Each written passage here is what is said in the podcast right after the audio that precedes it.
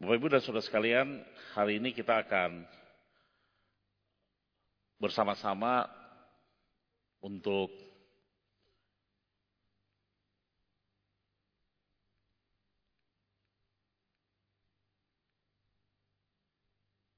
bersama-sama untuk uh, boleh kembali ke slide pertama enggak? Bersama-sama belajar satu tema ini yaitu tentang uh, memikul salib. Ya. Nah, Bapak Ibu tentu di dalam konteks uh, movement kita uh, don't give up. Ya, nanti kita akan melihat dalam konteks itu. Nah, ayat yang akan kita bahas bersama-sama adalah dari Lukas 9 ayat 23 yang berbunyi demikian.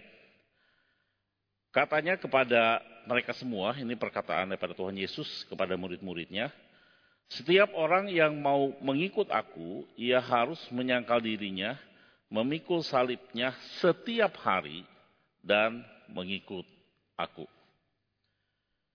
Bapak Ibu dan Saudara ini perkataan Tuhan Yesus kepada murid-muridnya tentang yang kita kenal tentang syarat mengikut dia. Dan salah satunya adalah memikul salib.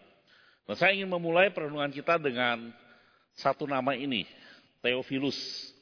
Theophilus dianggap atau dituliskan di dalam Injil Lukas sebagai penerima Injil Lukas yang pertama-tama. Siapakah itu Theophilus? Alkitab tidak terlalu memberikan data yang banyak tentang dia. Bisa jadi Theophilus ini adalah satu nama dari satu pribadi yang bernama Theophilus yang Lukas menyebutnya sebagai yang mulia itu di Lukas 1 ayat yang ketiga, yang mulia Theophilus.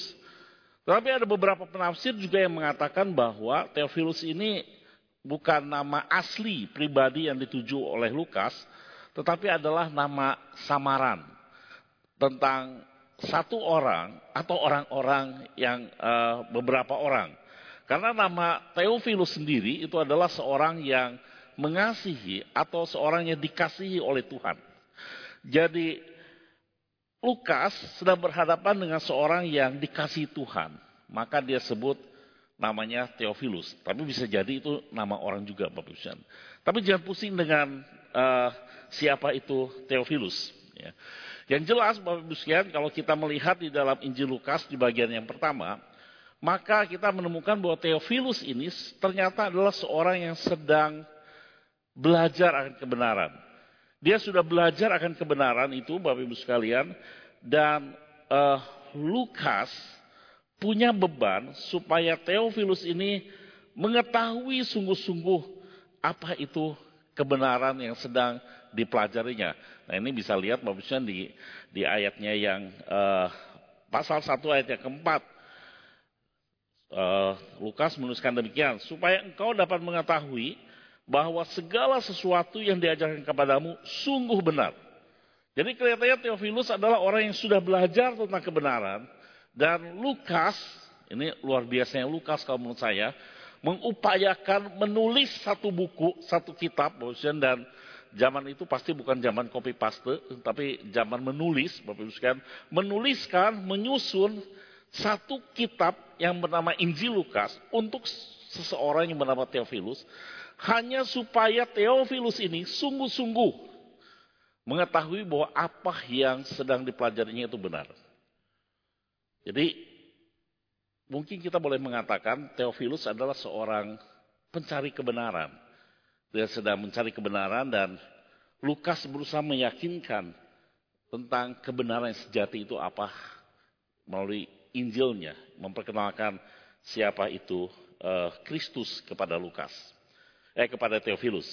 Nah Bapak Ibu tapi kalau kita kaitkan dengan tujuan daripada Injil Lukas, maka kita menemukan ini bahwa Lukas bukan hanya sekedar ingin Theophilus itu tahu tentang kebenaran, meyakini kebenaran itu, tetapi konteks Injil Lukas dituliskan adalah supaya ini, supaya setiap orang mendapatkan keselamatan daripada Tuhan. Jadi Lukas menginginkan Theophilus itu masuk, login ke dalam kekristenan. Dari seorang yang sudah belajar akan kebenaran, tapi belum masuk, masih di ambang pintu. Dan Lukas ingin meyakinkan Theophilus supaya masuk ke dalam pintu Injil itu dan mengambil keputusan untuk percaya kepada Tuhan Yesus dan diselamatkan. Makanya Bapak di dalam Injilnya Lukas menceritakan semua hal tentang Yesus. Tentang siapakah itu Tuhan Yesus. Tentang karya-karyanya, pekerjaan Tuhan Yesus. Dan juga tentang pengajarannya. Nah, memikul salib adalah satu pengajaran dari Tuhan Yesus yang ingin diperkenalkan kepada Theophilus. Nah ini akan kita pelajari bersama-sama Bapak sekalian.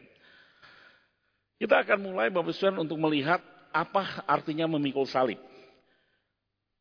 Memahami memikul salib, Bapak Ibu sekalian, itu tergantung dengan cara kita memaknai salib itu apa. Nah kalau kita memperhatikan Bapak Ibu sekalian apa yang dipahami oleh orang-orang pada zaman itu, baik orang Romawi maupun orang Yahudi, maka kita menemukan bahwa salib itu dimaknai seperti ini.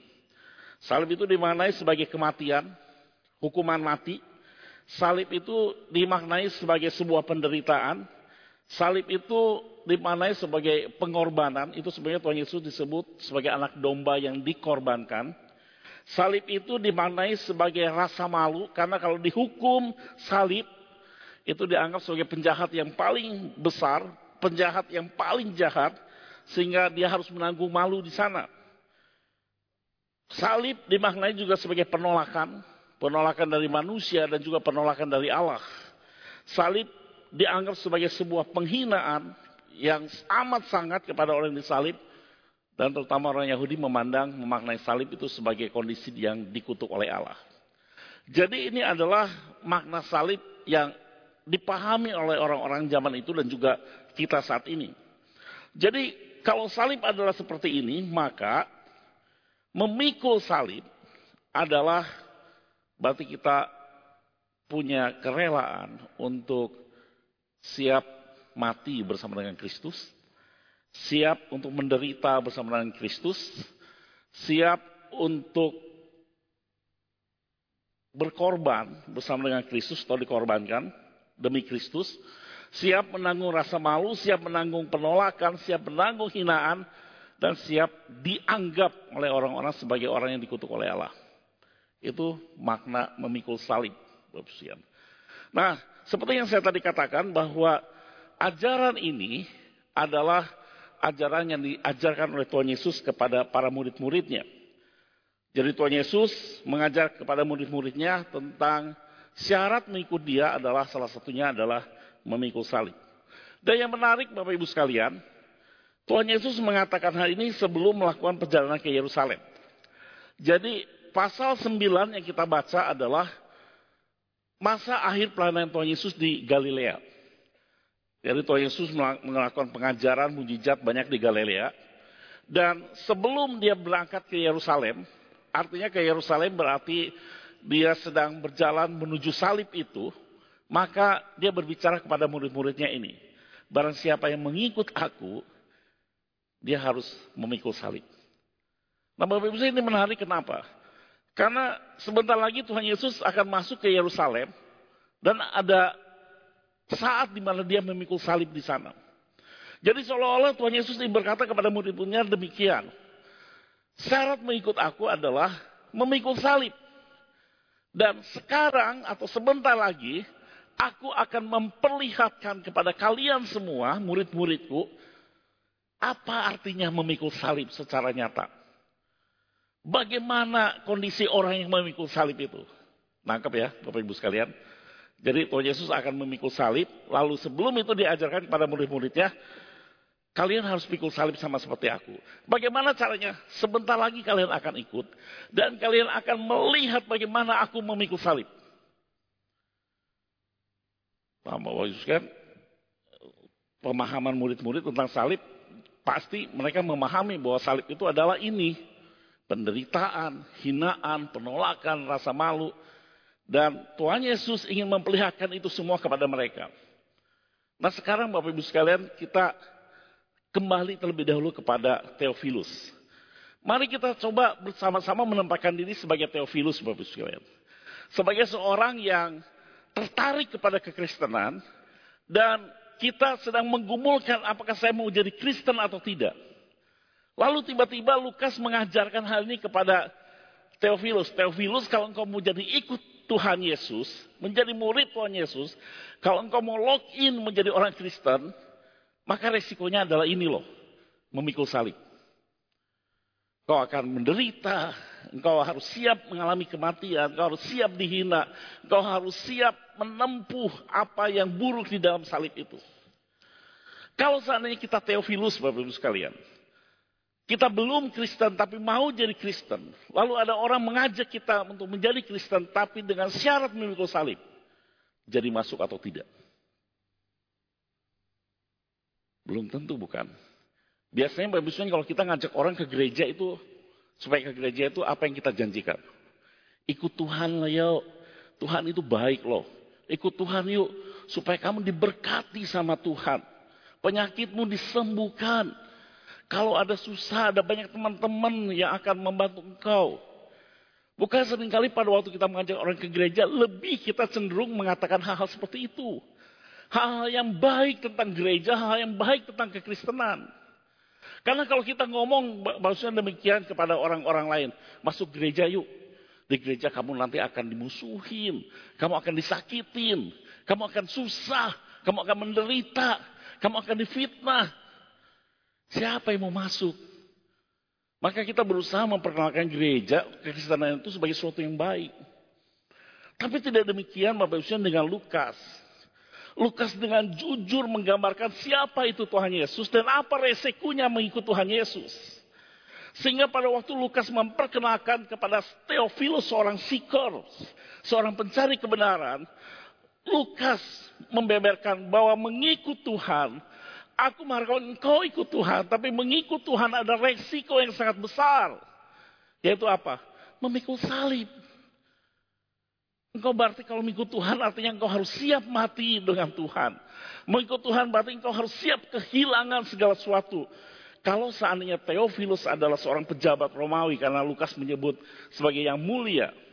Maka Lukas seolah-olah ingin mengatakan pada Theophilus kalau engkau jadi ikut Tuhan. Engkau harus kehilangan jabatanmu. Engkau bisa saja kehilangan jabatanmu. Engkau bisa saja kehilangan kekayaanmu. Engkau bisa saja kehilangan kolega-kolegamu di bangsa Romawi itu. Sesuatu yang besar yang harus dia tanggalkan Bapak sekalian. Tapi itulah yang diperkenalkan Theophilus, kalau Lukas kepada Theophilus. Nah Bapak Ibu ini bukan sesuatu yang mudah bukan. Dan itulah juga Bapak Ibu yang dialami oleh murid-murid. Pada waktu Tuhan Yesus memperkenalkan atau mengajarkan tentang memikul salib. Lalu mempertontonkan bagaimana caranya dia memikul salib. Apa yang harus dia tanggung. Apa yang terjadi? Yang terjadi adalah murid-murid lari tunggang langgang meninggalkan Tuhan bukan. Bapak siapa yang menemani Tuhan Yesus sampai ke kayu salib? Tidak ada satu orang murid pun dari ke-12 itu Bapak yang menemani. Hanya perempuan-perempuan Yerusalem yang menemani dan menangisi Bapak. Tuhan Yesus mengajarkan kepada murid-muridnya, ayo kamu lihat bagaimana cara mikul salib dan akibatnya adalah mereka lari tunggang langgang meninggalkan Tuhan. Bisa jadi ini juga yang terjadi kepada Theophilus. Dia sebentar lagi masuk ke dalam kekristenan, tapi ketika melihat, aduh kekristenan ternyata susah ya. Dia juga bisa sama dengan para murid lari tunggang langgang. Tapi Bapak Ibu perenungan kita tidak boleh berhenti sampai sini bukan. Karena Bapak Ibu sekalian, kalau kita melihat akhir perjalanan hidup para murid Tuhan Yesus, yang sebelas, karena yang satu gantung diri Bapak Ibu sekalian, maka kita menemukan bahwa para murid pada akhirnya memikul salib bukan. Para murid pada akhirnya Bapak Ibu sekalian mau mati untuk Tuhan. Setelah pasca Bapak Ibu sekalian, Tuhan Yesus bangkit lalu turun roh kudus, kita menemukan bagaimana para murid itu mau rela menderita. Rela berkorban Bapak Ibu Tuhan. Rela menanggung rasa malu, rela menanggung penolakan hinaan dianggap sebagai orang-orang yang dikutuk oleh Allah. Mereka rela demi Kristus, Bapak Ibu Kita menemukan itu bukan? Jadi Bapak Ibu jangan salahkan terlebih dahulu bahwasanya memandang negatif bahwa murid-murid itu tunggang langgang lari tunggang langgang. Tapi karena kita melihat ujungnya hidup mereka, ternyata mereka juga adalah orang-orang yang mengikut salib. Apa yang terjadi, Bosya? Kalau kita melihat Bapak murid-murid ketika lari tunggang langgang, kita mungkin kita boleh memahami demikian. Mereka belum memahami Bapak siapa itu Kristus sebenarnya. Walaupun Petrus, Bapak dengan bantuan Roh Kudus mengatakan Yesus adalah Mesias. Tetapi mereka belum memahami. Mereka tetap Bapak dengan orang Yahudi lainnya menganggap Tuhan Yesus itu Mesias sebagai pemimpin politik. Kalau sekarang mungkin calon presiden Bapak Ibu sekalian. Yang walaupun tidak lulus eh, tidak lewat MK dicalonkan jadi presiden, begitu kan? Karena mereka melihat Bapak ini Mesias yang cocok untuk melepaskan mereka dari bangsa Romawi. Mereka berpikir demikian Bapak Mereka sama sekali tidak pernah berpikir bahwa Mesias yang mereka ikutin itu harus disalib. Dulu ada seorang rekan Bapak Ibu mengkhotbahkan Tuhan Yesus itu memberi julunya sebagai Superman yang keok. Mereka menganggap Tuhan Yesus Superman tetapi keok di atas kayu salib. Mereka tidak mengerti. Mereka belum memahami Pemahaman mereka belum sampai ke sana, Bapak Ibu. Sehingga mereka wajar ketika mereka hanya lari tunggang langgang. Tidak siap untuk memikul salib. Tapi setelah mereka memahami siapa itu Kristus, mengenal lebih dalam. Lalu hanya kasih mereka kepada Kristus itu muncul dalam hati dan bertumbuh. Mereka menjadi orang-orang yang mengasihi Kristus melebihi apa pun juga. Hanya mereka mau memikul salib. Mereka mau menderita bagi Tuhan. Mereka mau ikut Tuhan sampai mereka mati. Itu yang terjadi. Kasih Tuhan mengubah mereka. Sehingga mereka memahami siapa itu Kristus. Mengenal lebih dalam. Dan mereka mulai mengasihi Kristus. Bapak Saudara. Dan kasih di hati mereka tumbuh kepada Kristus. Dan itu membuat mereka hanya mau memikul salib. Nah Bapak Ibu sekalian. Walaupun Lukas mengajarkan ini kepada Theophilus, sang seeker pencari kebenaran ini. Tapi Lukas, Bapak Ibu walaupun belak-belakan, dia menekankan sesuatu, Bapak Ibu sekalian, yang mendasar sekali dalam memikul salib. Jadi apa dasarnya memikul salib? Kasih kepada Tuhan. Tanpa kasih kita kepada Tuhan, kita akan merasa memikul salib itu berat. Tanpa kita mengasihi Tuhan, kita akan merasa Salib itu satu beban yang seharusnya tidak kita pikul. Tanpa kita mengasihi Tuhan, maka kita merasa bahwa salib itu sesuatu yang akan membuat kita malu. Akan membuat kita kehilangan banyak hal. Tapi kalau misalnya kita mau mengasihi Tuhan, Bapak Ibu ada kasih dalam hati kita untuk Tuhan, maka buat kita memikul salib itu adalah satu sukacita. Karena kita dilayakkan untuk sama seperti Kristus memikul salib. Maksudnya kalau kita membaca satu buku Stephen Covey, uh, anaknya maksud saya, Sing Covey, maksudnya dia menggambarkan bahwa dalam hidup ketika mau punya tujuan itu seperti kita harus menyeberangi satu jembatan antara dua gedung jembatan lalu kita harus memikirkan apa yang paling berharga yang paling kita cintai yang ada di seberang kalau tidak ada yang paling kita cintai di seberang, mana mau kita menyeberang melewati bahaya.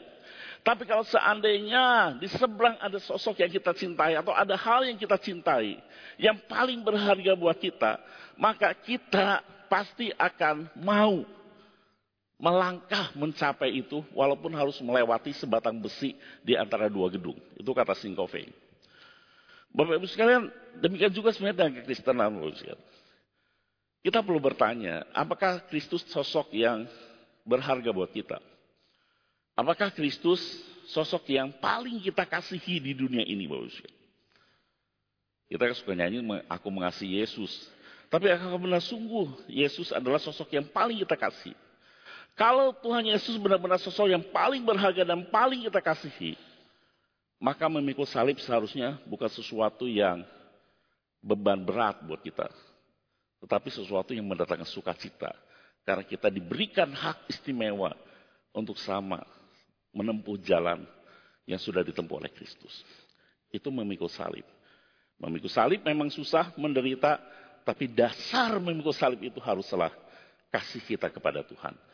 Kasih kepada Tuhan akan muncul kalau kita juga punya pemahaman, pengenalan siapa itu Tuhan sebenarnya. Nah sekarang Bapak Ibu mari kita hubungkan ini dengan don't give up movement kita.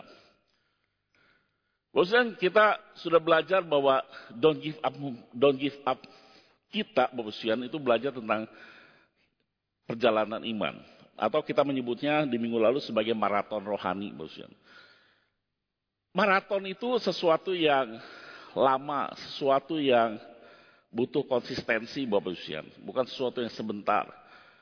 Nah, Bapak Ibu perjalanan rohani kita atau maraton rohani kita kalau kita kaitkan Bapak Ibu dengan ini, maka kita sebut sebenarnya perjalanan hidup rohani kita atau maraton rohani kita adalah perjalanan memikul salib. Itu perjalanan iman kita. Nah, Bapak Ibu dan Saudara sekalian, pada waktu kita maraton rohani atau kita melakukan perjalanan memikul salib, maka bisa saja Bapak Ibu sekalian kita mengalami ini. Mengalami kelelahan dan kita ingin berhenti. Dan mungkin bukan hanya ingin berhenti, kita ingin berbalik arah. Entah Bapak Ibu karena kita ada rasa khawatir dalam hidup kita. Entah karena kita mungkin Bapak Ibu sekalian terjerat oleh uh, tipu daya, atau mungkin Bapak Ibu sekalian kita uh, terjerat oleh kepercayaan yang salah. Kita merasa mungkin perjalanan iman kita ini berat dan kita rasa ingin berhenti Bapak Ibu Kita ingin balik. Bagaimana supaya kita don't give up, tetap melakukan perjalanan. Maka seperti tadi yang kita sudah bahas bersama-sama, karena perjalanan kita ini, perjalanan rohani kita adalah masalah memikul salib, maka kita harus memahami dasarnya dulu apa. Kalau memikul salib adalah dasarnya kasih kita kepada Tuhan. Maka Bapak Ibu sekalian seharusnya kasih itulah juga yang mendorong kita untuk tidak give up. Kasih yang mendorong kita untuk tidak berhenti, tapi tetap menjalani maraton kita dengan konsisten. Jadi Bapak Ibu perjalanan rohani di dalam Don't Give Up Movement ini adalah sebenarnya perjalanan dengan dasar saya mengasihi Tuhan. Kalau seandainya Bapak Ibu di hati kita memang kita mengasihi Tuhan lebih daripada apa pun juga. Maka seharusnya tidak ada kata give up dalam hidup kita. Karena kita sedang memang berjalan dengan mengasihi Tuhan bukan? Bapak Ibu inilah perjalanan hidup kita. Memang tidak mudah Bapak Ibu menjalani hidup sebagai orang Kristen.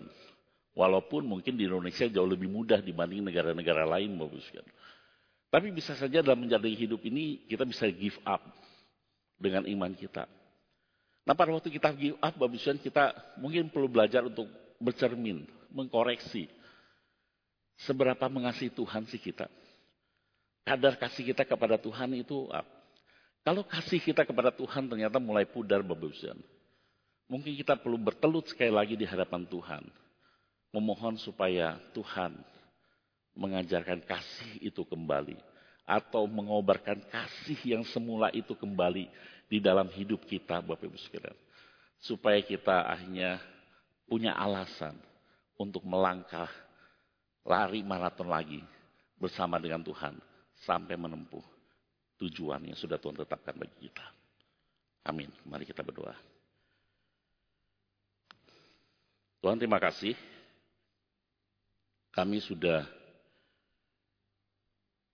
memahami tentang apa artinya memikul salib. Pikul salib tanpa dasar itu menjadi sesuatu yang berat.